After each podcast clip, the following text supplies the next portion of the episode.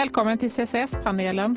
Vi erbjuder en arena för utvecklande och kunskapshöjande samtal om vad klimatomställningen innebär i praktiken. Vi undersöker näringslivets möjligheter och utmaningar för att nå klimatmålen. Genom den här podden vill vi skapa möjligheter och stimulera till nya tankar för ett mer hållbart samhälle.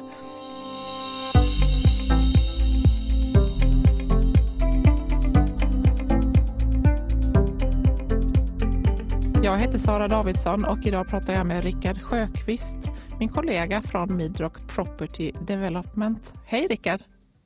Hej Sara, vad trevligt att få komma och besöka dig. Ja, har du spelat in poddar förut? Nej, aldrig. Det här är faktiskt nummer ett. Ja, vad härligt. Du, eh, eh man lär sig något varje dag i livet, eller hur? Ja, det är väl så. Nu vet jag inte riktigt, nu kan man ju kanske, ordet podd kanske tänker man viss sak. Inspelningar har vi gjort många och mycket inspelningar, kanske framförallt också då synlig bild också. Så det är lite ovanligt det här när man rör sig och man gör, rör på händerna och sådär och ingen tittar på det. Det är ju nästan hemskt. Ja, och så det här att man liksom hummar. Och, har du tänkt på det att det är mycket när man sitter tillsammans också, även om man sitter digitalt via Teams så kan man ändå liksom bekräfta varandra genom att nicka eller sådär. Det kan vi inte göra här för vi, du sitter i Malmö och jag är i Göteborg. Ja, men jag nickar för fullt och jag rör på händerna så att om inte du ser det så ska du veta att jag rör mig för fullt. Ja, och så får väl våra lyssnare, de får liksom bara föreställa sig hur vackra och snygga vi är, eller hur? Absolut, fast eh, tyvärr så tillhör jag ju den äldre generationen nu så att förr var jag både ung och vacker och nu är jag ju tyvärr bara och.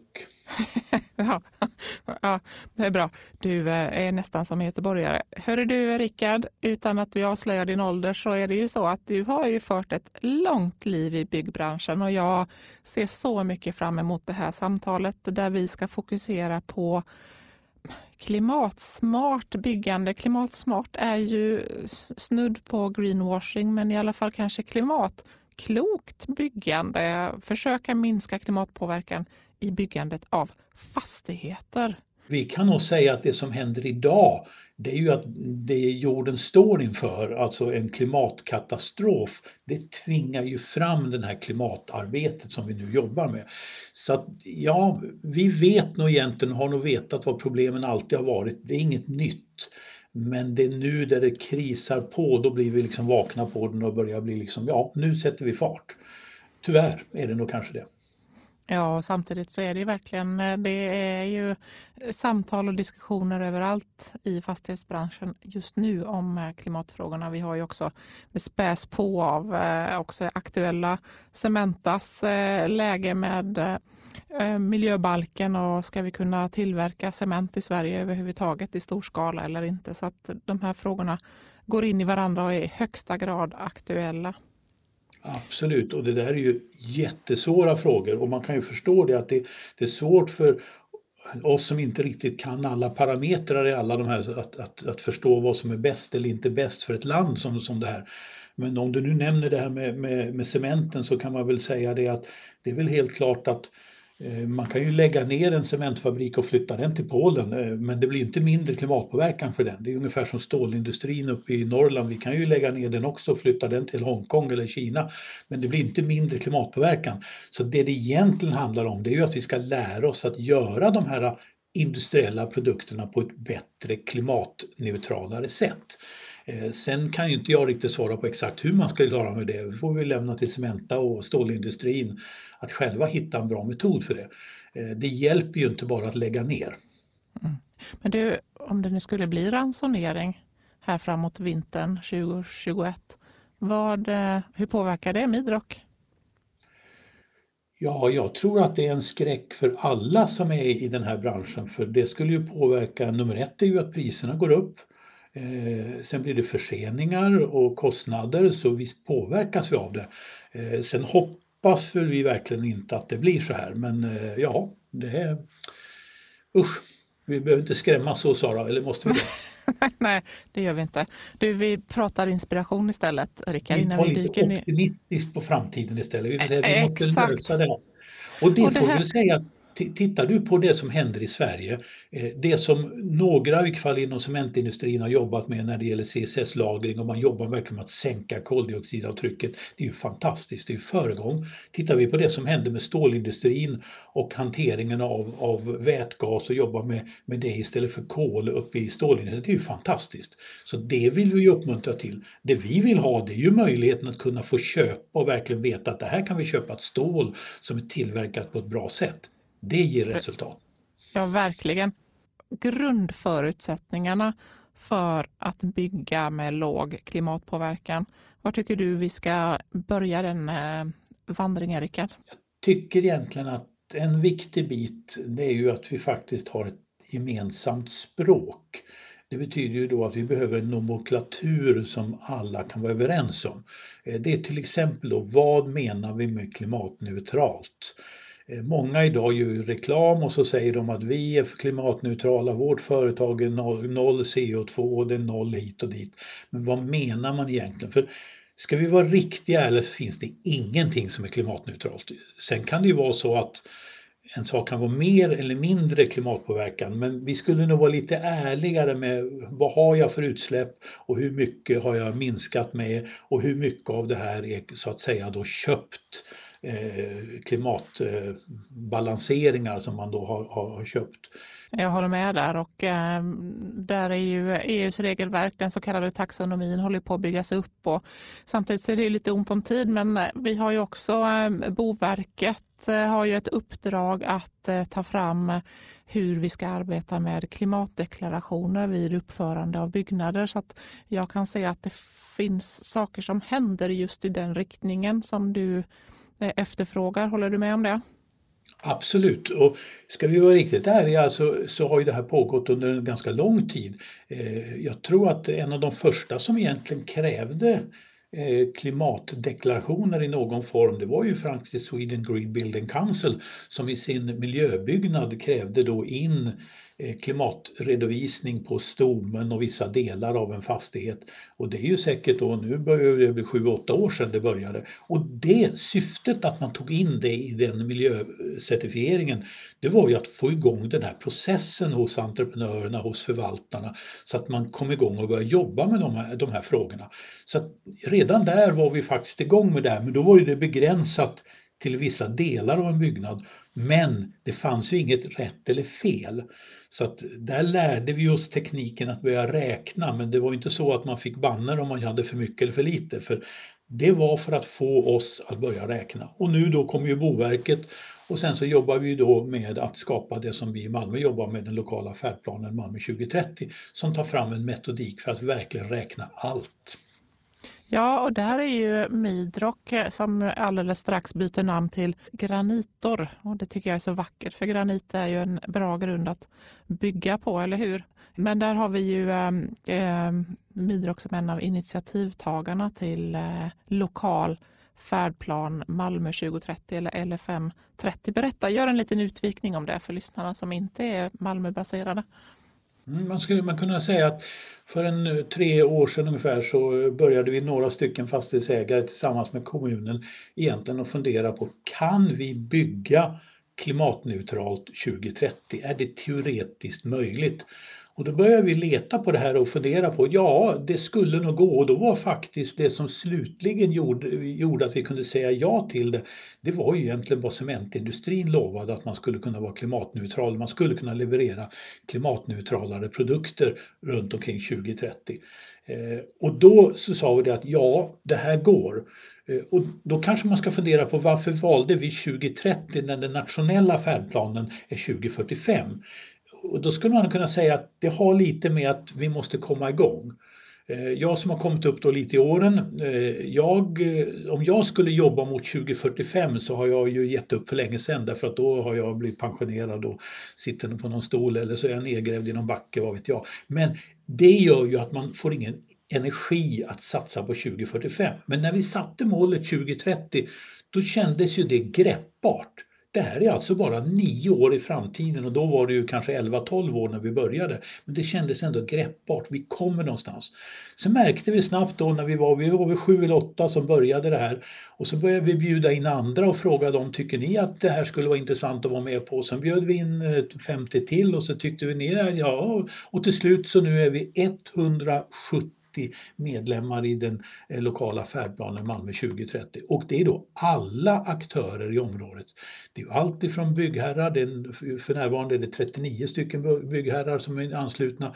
Och sen har vi då konsulterna, vi har entreprenörerna, vi har leverantörerna av material, ja i princip alla som är inlag, inblandade i att bygga Eh, hus och förvalta fastigheter för vi riktar ju också in på själva förvaltningen. Och ni jobbar ju verkligen med, eh, med arbetsgrupper där ni tittar på de här utmaningarna gemensamt, eller hur? Ni tittar på liksom, okay, men hur ska vi räkna på detta då?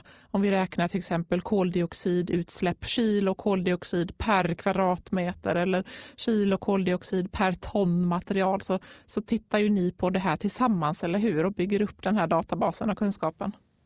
Absolut. Man kan säga att LFM30 är indelat i sju arbetsgrupper eller sex arbetsgrupper, beror lite på hur man räknar. Men den första arbetsgruppen handlar om själva affärsmodellen. Och, och när man talar om affärsmodellen så är det ju så att om, om, om jag ska kunna bygga eller förvalta en fastighet så måste jag också få betalt för att kunna tjäna några pengar och kunna leva på det här. Så det betyder att vi måste ju också se till att vi, vi kan få betalt för det vi gör. Eh, så det betyder att man måste titta vad är det för positiva effekter? Eh, kan vi få bättre lån på banken därför att vi är klimatneutralare? Kan vi få bättre försäkringsvillkor därför att vi så att säga bygger hus som innebär, innebär mindre klimatförstörande, klimatsäkra våra byggnader, ger det lägre lägre affärskostnader överlag.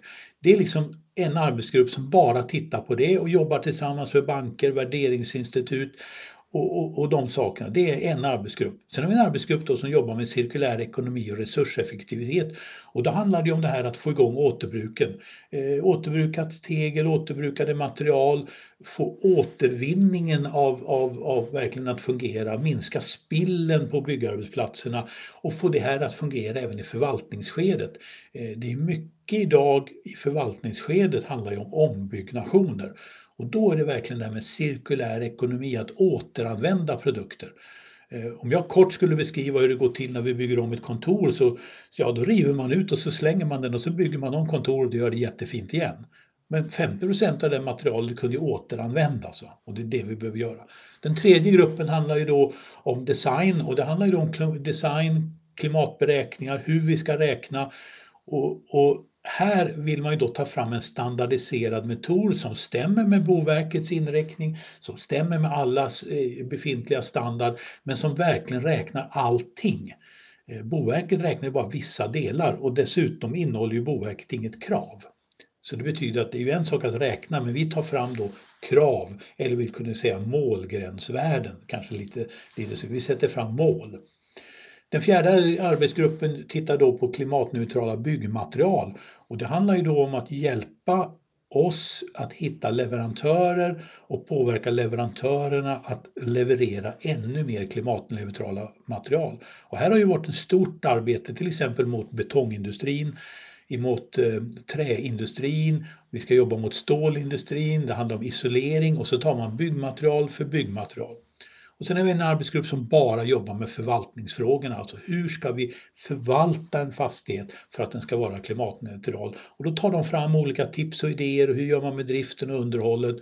Och sen den sjätte arbetsgruppen jobbar med den klimatneutrala byggarbetsplatsen, alltså själva arbetsplatsen, byggbodarna, lager, transporter, kranar. Hur gör man det klimatneutralt? Det är den sjätte arbetsgruppen.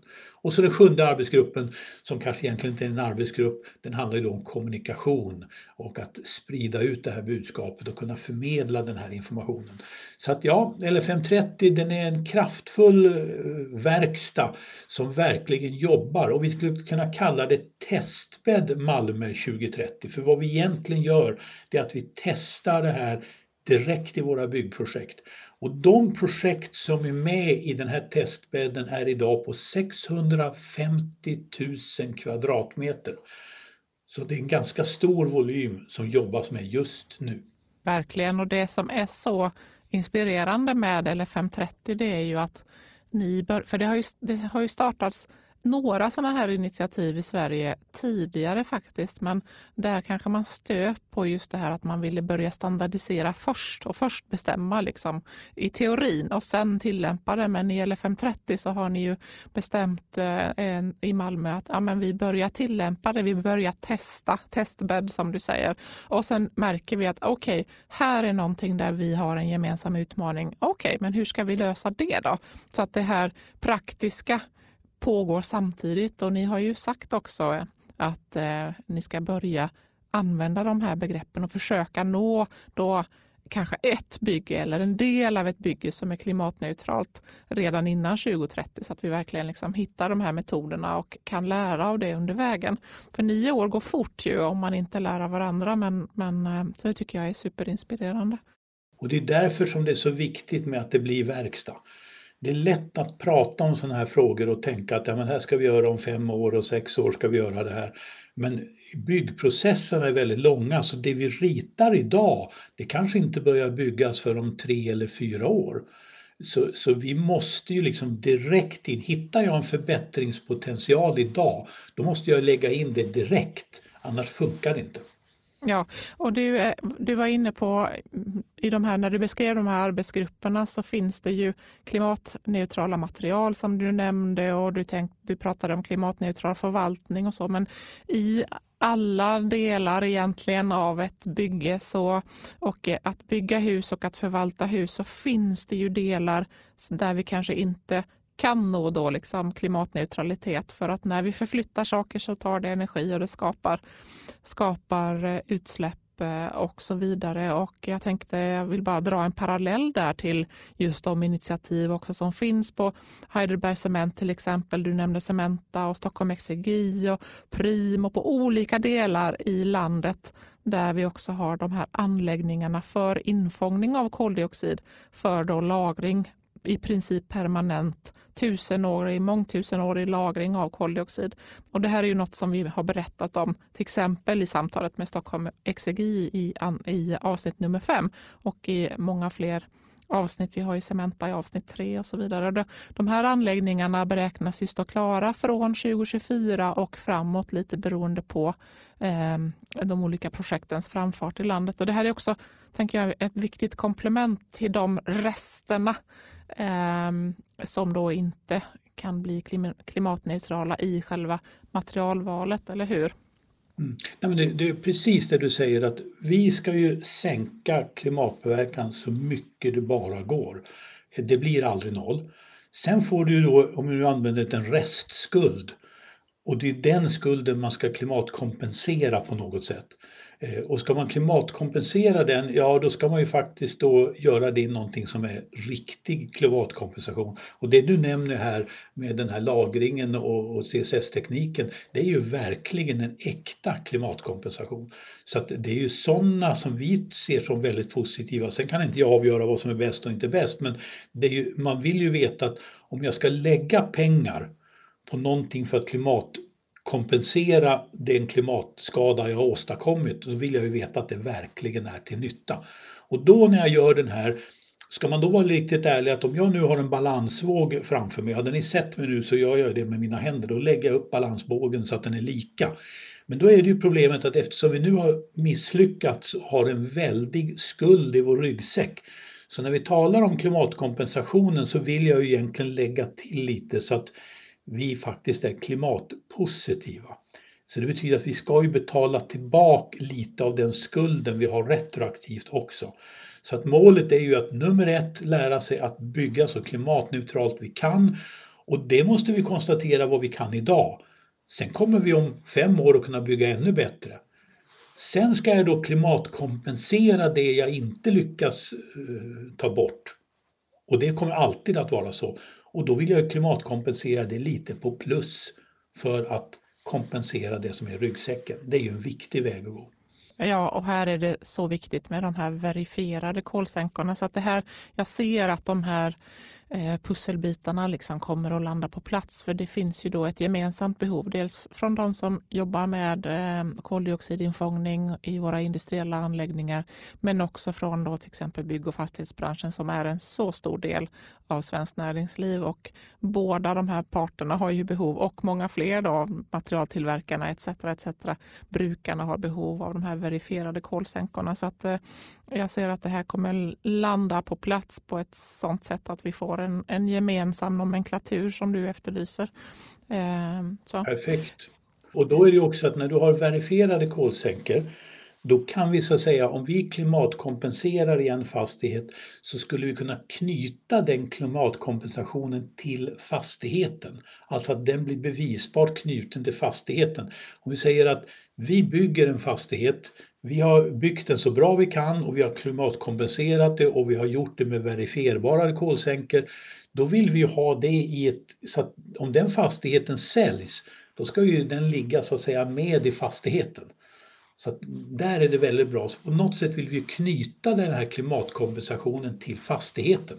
Och det blir ju eh, precis som vi nu har årsbokslut och vi har balansräkningar och vi har massa olika vedertagna begrepp som har vuxit fram under tusentals eh, år med, med eh, kredit och debit och alla de här ekonomiska begreppen. Men nu måste vi sätta fast forward och få till det här på klimatområdet också. Ja, viktigt område, Rickard, det här du nämner som gemensam nomenklatur.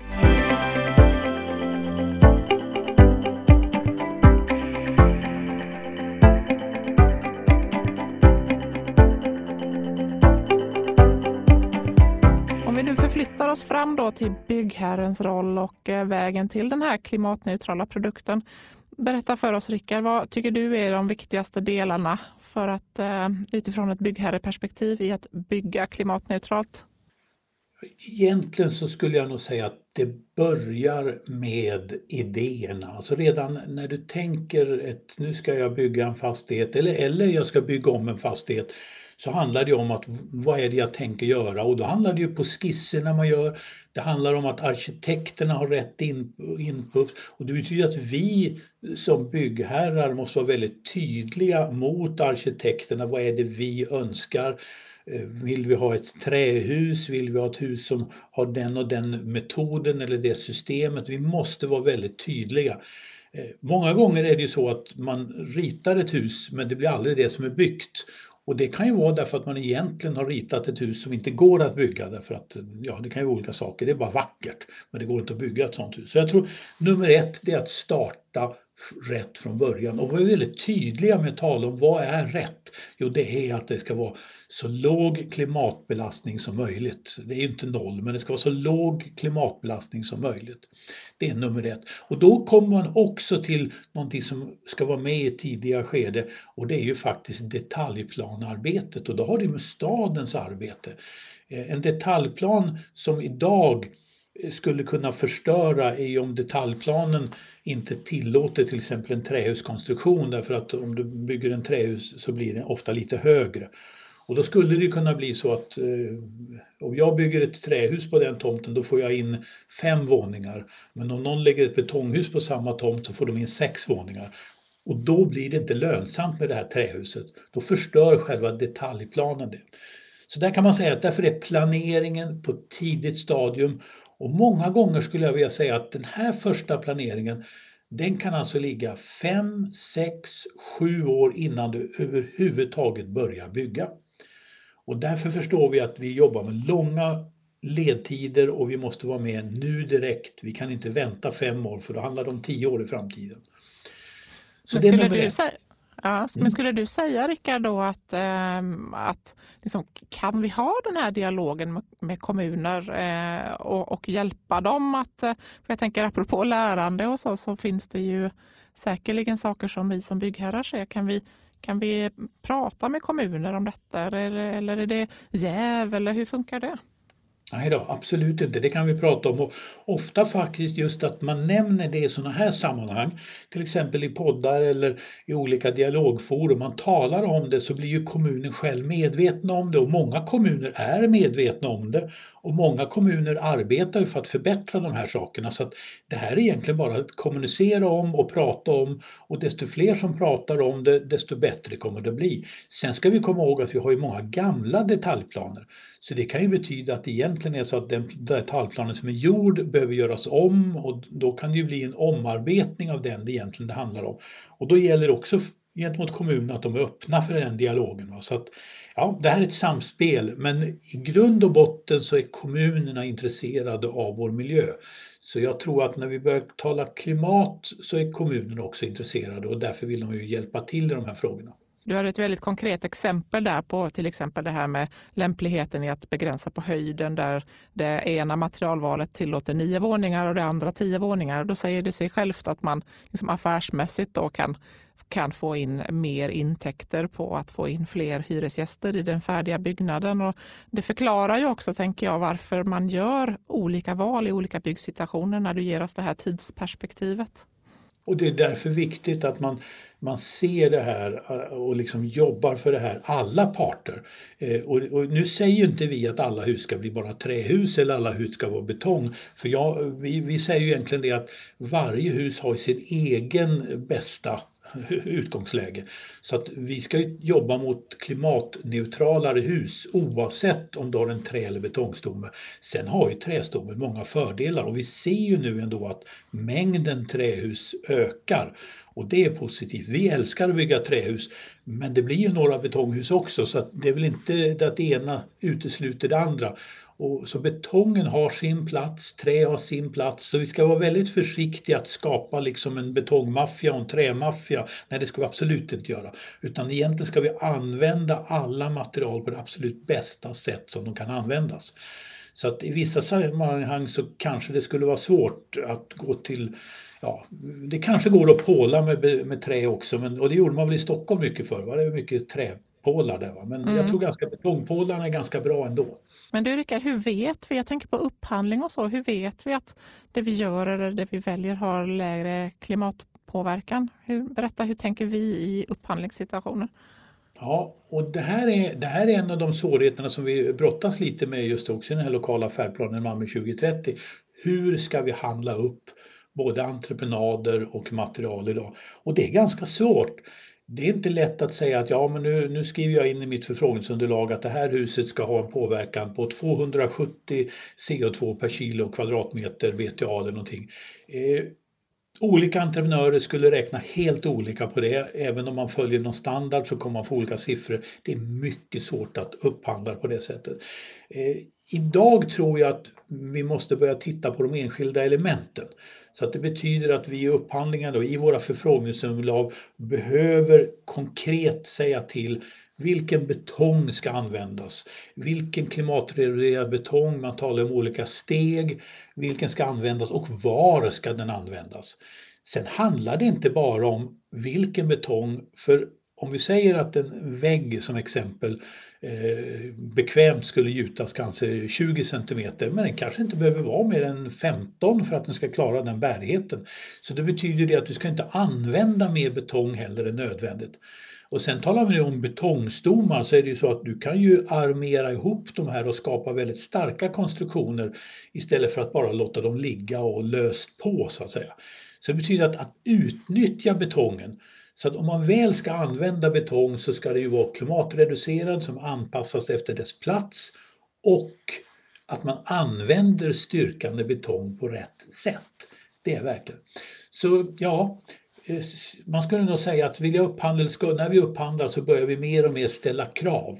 Och då till exempel är ju betong ett sånt som faktiskt branschen har börjat lära sig att ställa krav på. Men sen måste vi börja med vidare med andra saker och det handlar ju om att ställa kravet på stålet som vi köper upp, aluminiumet, eh, vi har armeringsmaterial och isoleringsmaterial. Så det handlar om att leta efter bit för bit, hur ska vi ställa krav på det här och så upphandla det undan för undan. Och det som kommer att hända då det är ju att leverantörerna kommer att upptäcka det att ja, nu köper de mer av det här materialet därför att det är lägre klimatpåverkan. Ja, då kommer ju de leverantörerna som inte kan erbjuda motsvarande produkt och blir tvungna att göra om sin produkt. Så man kan väl säga att eh, det är ju faktiskt eh, den som köper som har makten beroende på vad han köper. Mm. Ja, verkligen. Du, eh, vi ställer ju en del krav på återvunnet redan på Midrock. Jag vet att vi har projekt där vi väljer tegel till exempel från eh, eh, gamla vackra industribyggnader i Malmötrakten. Hur ser den marknaden ut idag? Är det liksom matchmaking på individnivå eller finns det en etablerad marknad för återvunnet? Ja, det finns ju ändå CC Bild som har en webbsida och som börjar verkligen att fungera för att köpa och sälja material och vi tycker det här är jättepositivt. Eh, jag har ju varit inne och tittat på den här och just i södra Sverige kan vi inte hitta så mycket material än men är man till exempel i Göteborg då kan man hitta till exempel återvunnet, eh, återvunnet tegel. Eh, och vi är alltid först Rickard. Vi är först ja och jag tror faktiskt att CC Bild var, den kom där uppe i Göteborg, det var där den startade. Den var. Vi tycker det här är jättepositivt därför att det är ju ändå så att det här är ett behov, en marknad för begagnade material.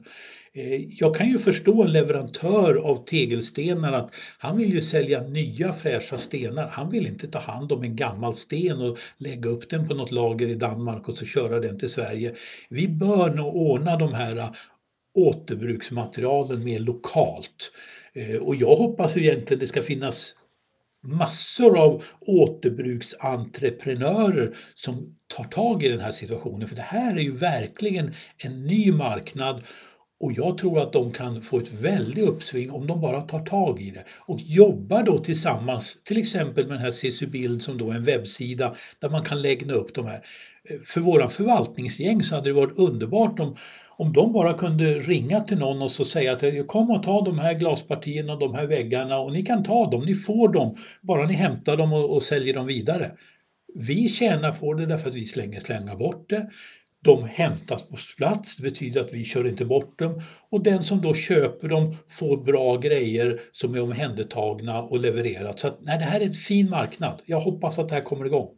Jag kan faktiskt, eh, det där du beskriver nu kan jag känna igen från, eh, från mig själv och från eh, mitt hus och just hur jag har använt Blocket till exempel där man har någonting, kanske ett gammalt värmeelement eller Eh, en gammal hylla eller vad det är. Och just det här att eh, med min lilla elbil få saker till eh, återvinningsdepåerna och till tippen som man sa för Det är ju liksom det, det, blir komplicerat men då kan jag lägga upp det för en tia på Blocket och så vips så är det ju någon som eh, vill ha det och så ringer en annan och så ringer en tredje och så slutar det med att man får eh, lite mer betalt än vad man hade tänkt sig faktiskt. Men man blir ju faktiskt också av med det och någon annan har nytta av det. Men Rickard, var det inte så att jag tänker lite så oväntat eh, när jag fick reda på detta men armeringsjärn är väl ett av de liksom, första områdena där vi faktiskt också fick eh, igång lite grann av en återvinningsbransch. Absolut. Eh, jag tror att väldigt stor del faktiskt av armeringsjärnen idag kommer just ifrån återvunnet material. Det har nog varit ganska tacksamt. Så det, det är nog, de är nog ganska duktiga på det men självklart finns det skillnad på fabrikat och fabrikat. Men eh, det är nog en så, och, och det är någonting vi vill uppmuntra så att vi vill ju verkligen att de som köper upp vårat armeringsjärn de ska köpa det som har så hög del återvunnet material som möjligt. Sen kommer vi till en liten konflikt där. Eh, när vi talar om återbruksmaterial så finns det ju vissa material som kan innehålla giftiga och hälsofarliga material. Och då kommer du till det problemet att du, om det är ett material vi egentligen vill fasa ut och få bort ur kedjan och, på, och som helt enkelt ha bort då kanske det inte är så att vi ska sätta in det i ett hus igen utan vi ska faktiskt destruera det och ta bort det. Så att det blir lite grann det, om vi nu tar som ett exempel, vi kan ju ta asbest. Vi vill ju inte flytta en, en hel asbestkanal till ett nytt hus. Nu tar jag worst case. Det skulle vi absolut inte vilja utan det vill vi bara se till att få bort ur marknaden. Så där finns ju ändå, och det är inte alltid lätt det där, för det, det, kan ju finnas små saker, det kan vara bly, det kan vara kvicksilver som var tillåtet i vissa produkter. Eh, vi skulle kunna ta gamla blandare som innehåller hög grad av bly de kanske vi skulle vara tveksamma till att stoppa in i nya fastigheter eh, eftersom moderna blandare innehåller mycket mindre mängd bly och alltså är bättre för människan. Så att ja, det finns en liten svårighet där och, och, och, det här är ju det vi ska jobba med och det är det vi samtidigt som är intressant för oss att spänna bågen och fundera på hur löser vi det här och hur kan vi göra det tillsammans? För det här är ingenting som Mindro kan göra. Det är ingenting som en enskild person kan göra utan det här handlar om att samarbeta över gränserna mellan leverantörerna, mellan mellan entreprenörerna till byggherren och ända fram till hyresgästen. Så det här är ett samarbete. Ja, verkligen. Men det är ju apropå målkonflikter som du nämnde och farliga ämnen ska vi ju givetvis inte ha. Det kan jag själv känna utifrån mitt yrkesliv att vi får ju mycket, mycket fler regler. En av de finaste sakerna med miljöbalken som nu får utstå så mycket kritik här i hanteringen av olika miljöärenden. Men det fina med den är ju just det här hänsynskravet och eh, försiktighetsprincipen, att man ska veta i förhand vad det är för material man hanterar in. Jag menar, det, det, hade vi inte, det kravet hade vi inte och den förståelsen förut och då har vi haft alla de här asbestsaneringarna, vi har haft eh, liksom, eh, ja, olika typer av eh, kampanjer där vi har letat PCB och liknande och det här slipper vi förhoppningsvis framöver. Men en annan målkonflikt som inte handlar om giftiga ämnen för oss då som sådana men som ju skapar väldigt mycket oreda i eh, utvinningen. Eh, det är ju aluminium och som också är oerhört energikrävande. Och jag kan bli lite fascinerad ibland över hur mycket aluminium vi vill använda i vårt byggande. Varför gör vi det? Nej, men det, det, jag håller med dig helt och hållet. Och aluminiumet är ju väldigt om jag nu använder uttrycket billigt på det sättet att när du gör, om du nu tar ett praktiskt exempel, vi gör ju många fasader då med, med aluminiumpartier och sen är det då glas och det blir ju väldigt snygga, väldigt förvaltningsmässigt bra. Det har många, många fördelar men det är mycket aluminium. Och, och, och, det blir en konflikt. Eh, tar vi då på, eh, på, den, på den lilla sidan, om vi säger villasidan eller på eh, flerbostadssidan eller lägenhetssidan så har du, ja träfönster är absolut det bästa i en lägenhet, det är ingen tvekan om det. Men så vill man ju ha det lite enklare så då aluminiumklär man ju träfönstren på utsidan. Och den aluminium är ju då frågan, är det värt det eller inte? Och där, det är inte lätt att säga ja eller nej och det är därför som man ska vara väldigt försiktig att ta upp regler för eh, vad man ska och inte ska göra. Det får väl framtiden visa sig, men man bör fundera på det apropå inköp och återbruk, Rickard, att eh, vi kan eh, fortfarande idag då eh, köpa mycket mera kanske då återvunnet och återbrukbart i Göteborg och det är på gång i Malmö.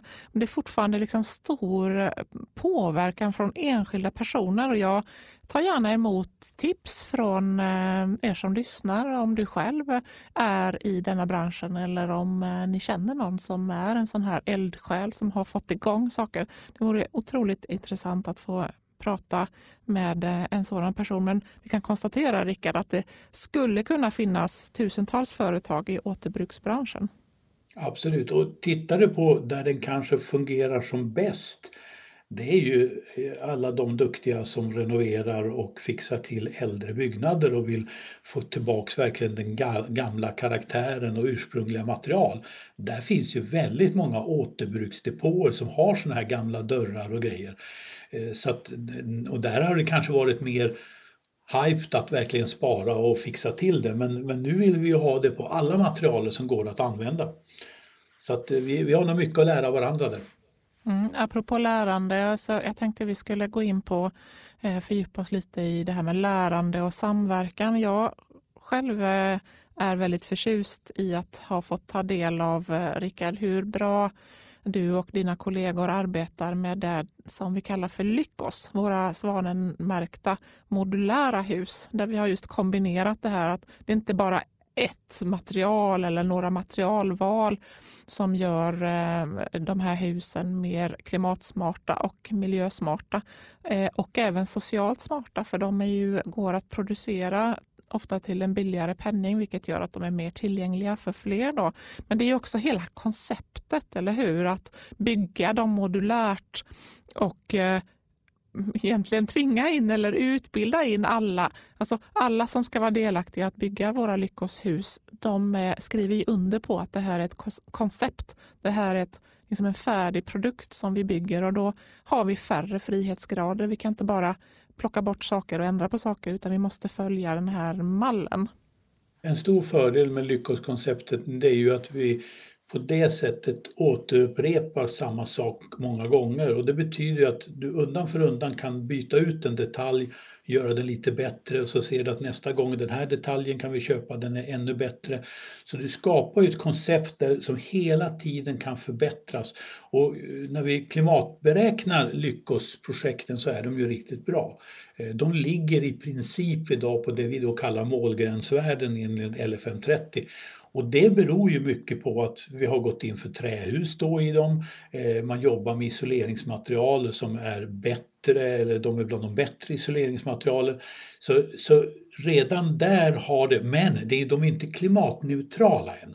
Men vi ska jobba vidare med dem och man kan ju nämna bara som ett exempel då när vi räknade på de här lyckoshusen så upptäckte vi det att vad, vad är då den största klimatpåverkan på dem? Och, och då bland annat så, så, så, fanns det vissa, fanns bland annat en stålbalk då som, som ligger där, i, i, den ligger ungefär vid vardagsrummet och håller väl uppe bjälklaget då. Och då, då är det ju så sån enkel anordning så att du ska byta den stålbalken mot en limträbalk istället och så minskar du den. Så det gäller att leta i konceptet, vad är det för grejer som vi kan byta ut mot bättre? Och där är Lyckos ett bra exempel därför att det skapar en industrialiserad produkt som får en hög kvalitet det blir ett bra pris på den och det blir väldigt fin inomhusmiljö för de som ska bo i de här husen. Så ja, ja jag tycker faktiskt det är riktigt lyckat. Lyckat lyckos. Just det, lyckosar. Du, det är så roligt att prata med dig, Rickard. Um, vad är din spaning? Hur ser det ut om fem år? Alltså om fem år, då tror jag att vi har producerat väldigt fina byggnader, de nya byggnaderna. Eh, och jag tror att vi kommer att se en markant skillnad på klimatpåverkning på byggnader som byggs om fem år jämfört med idag. Vi kommer också se att hela vår egen förvaltningsportfölj också har sänkt klimatpåverkan rejält. Och det handlar mycket om transportsidan också, för vi kommer att säga att transportsidan kommer att utvecklas på fem år enormt. Eh, jag ska väl hoppas att det inte finns en enda tjänstebil som innehåller fossilt bränsle om fem år. Va? Så det betyder att jag tror faktiskt att om fem år har vi en väldig skillnad. Så att jag tror att summerar vi det här eh, 2026 så tror jag faktiskt vi kommer att säga att jo, men det, det var faktiskt det hände. Och, och, jag tror vi kommer att nå dit därför att vi är ganska beslutna nu och alla är ju med. Jag har inte hört någon egentligen som säger nej, vi vill inte hoppa på det här tåget, utan alla har hoppat på tåget. Alla vill vara med.